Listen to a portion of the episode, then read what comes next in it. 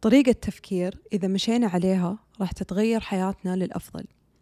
هي أننا نتحمل مسؤولية حياتنا ونتحمل مسؤولية أي شيء سواء سيء أو شيء إيجابي صار بحياتنا مهما كانت ظروفنا. أهلا أنا ريما وهذا بودكاست على بالي. جاء على بالي اليوم أني أتكلم معكم عن لعب دور الضحية. بدخل في تعريف عقلية دور الضحية إيش هي علامات دور الضحية وكيف نقدر نوقف عقلية دور الضحية؟ عقلية دور الضحية هي لما نحط كل شيء سيء صار بحياتنا على ظروفنا أو على الناس اللي حولنا بدل ما إنها تكون نتيجة تصرفاتنا. هو أكيد إن ظروفنا تلعب دور كبير بحياتنا بس إنها ما تحدد نجاحنا أو فشلنا في الحياة.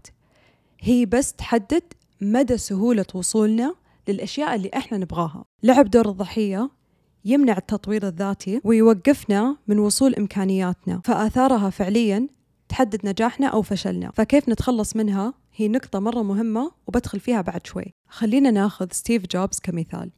ستيف جوبز هو مؤسس شركة آبل وفي عائلة من الطبقة المتوسطة إلى الطبقة المتدنية تبنت ستيف جوبز. وحالتهم المادية كانت جدا عادية. وتربى على هذا الشيء ستيف جوبز إلين ما كبر وصار الوقت إنه هو يدخل الجامعة. للأسف ما كانوا أهله يقدرون إنهم يدفعون رسوم الجامعة ولا هو كان يقدر يدفع الرسوم لنفسه. فقرر إنه يشتغل على شركة وهذه الشركة الحين هي اللي معروفة بآبل. فلو إن ستيف جوبز كان يلعب دور الضحية أكيد إنه ما راح يكون عندنا شركة آبل اليوم. كان قاعد في بيت أهله اشتغل في وظيفة جدا عادية وخلى عنده تفكير أن ظروفه هي اللي بتحدد مسار حياته. أنا أدري أن في كثير ناس ما تحب تسمع هذه القصص. ممكن تحس أنها خرابيط أو شيء مستحيل أو جت معاه بالصدفة. ولو أن ستيف جوبز كان عنده نفس تفكير هذول الناس ما كان آبل وصلت اللي هي واصلت للحين. فبدل ما تكون طريقة تفكيرنا إذا أنا أهلي كانوا كذا إذا أنا تربيت في هذا الوقت إذا أنا تربيت في هذا المجتمع إذا أنا كان في ناس حولي يوجهوني كان وصلت للشيء اللي أنا أبيه. فهل إحنا فعلا نبي هذه تكون نظرتنا للحياة؟ أن ظروفنا أو الناس اللي حولنا هي اللي بتحدد نجاحنا في الحياة؟ فإذا هذه كانت فعلا طريقة تفكيرك فلازم تكون متأكد أن هذا فعلا اللي بيصير لك. بتكون طريقة تفكيرك أن دائما أنا أشياء سيئة تصير لي مهما أنا حاولت وكل شيء سيء يصير لي هو بسبب الناس اللي حولي. وأنا ما أقدر أغير وش اللي يصير لي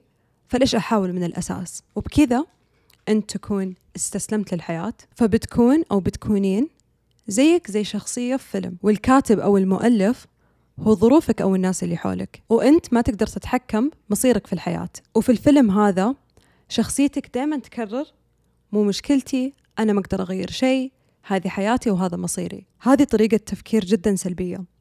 وتخلينا نحس أن مدى ذكائنا أو مواهبنا هي صفات إحنا ننولد فيها فما نحط وقتنا أو جهدنا في تطوير هذه الصفات. فعشان إحنا نوقف لعب دور الضحية لازم إن إحنا ناخذ مسؤولية حياتنا وناخذ مسؤولية أي شيء يصير بحياتنا سواء شيء إيجابي أو شيء سلبي. هو أكيد إن ظروفنا ما هي من سببنا بس هي مسؤوليتنا. مو معناته إن إحنا سبب ظروفنا بس إحنا مسؤولين عن ردات فعلنا اتجاه ظروفنا. فلما إحنا ناخذ مسؤولية حياتنا ويكون عندنا تفكير أن إحنا نقدر نتحكم في حياتنا. كل الأشياء الصعبة اللي بنواجهها بتكون مرة سهلة إننا نحلها. فبدل ما إحنا نضيع وقتنا ونكون حزينين على الأشياء السيئة اللي تصير لنا بحياتنا نقدر إن إحنا نستثمر هذا الوقت في التركيز على الحلول لمشاكلنا. فلما نواجه الظروف الصعبة بدل ما إحنا نقول ليش أنا دائما يصير لي كذا ليت أنا عندي كذا نبدأ نفكر بكيف أنا أقدر أتصرف كيف أنا أقدر أحل الموضوع عشان أطلع بنتائج أحسن. تأكدوا أن لو إحنا نقضي ساعات كبيرة على ال social media أو نشوف أفلام أو مسلسلات بدل ما إحنا نراجع حياتنا ونشوف ليش حياتنا ما وصلت للشيء اللي إحنا نبغاه تأكدوا أنه ما في ولا شيء راح يتغير. أنا قاعدة أكلمكم من وجهة نظر شخص فعلا كان عندي عقلية دور الضحية وكنت دايما ألوم الأشياء السيئة اللي تصير لي بحياتي على ظروفي أو الناس اللي حولي أو قد إيش أنا ما عندي وقت ودائما مضغوطة بالجامعة. بس لما دخلت وقريت عن موضوع دور الضحية أكثر وكل ما أواجه موقف صعب أو موقف ما يعجبني ويجيني هذا التفكير أني أنا الضحية أحاول دائما أني أوقف نفسي وأبدأ أركز بالحلول عشان هذا الشيء ما يرجع يصير لي مرة ثانية. في جملة قالها الكاتب دكتور ستيف ميربولي اللي هي الوقوع في دور الضحية يجعلك أداة للقوة التي تتلاعب بك بينما التحرر يبدأ عندما تتحمل مسؤولية حياتك. معنى هذه الجملة اللي قالها الدكتور ستيف هو أن لما الشخص يلعب دور الضحية هو قاعد يعطي كل السيطرة للقوات الخارجية. بس لما الشخص يتحمل مسؤولية حياته وقراراته فهو فعليا قاعد يتحرر ويتحكم في مصيره. فمتى يكون الشخص فعلا مستقل ويبدأ ينمي من نفسه ويغير من حياته؟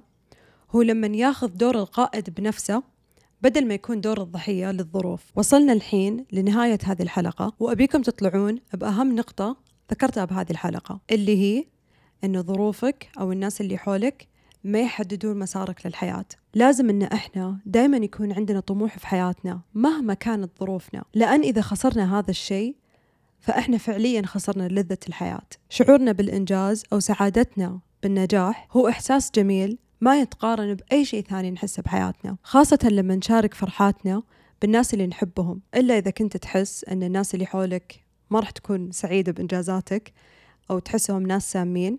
أنا تكلمت في حلقة ثانية عن العلاقات السامة إيش آثارها وكيف نقدر نتخلص منها. موجودة الحين على قناتي في اليوتيوب. وبكذا أقدر أقول لكم شكرا أنكم سمعتوا لهذه الحلقة وأتمنى أنكم طلعتوا بفايدة لو الفايدة كانت صغيرة.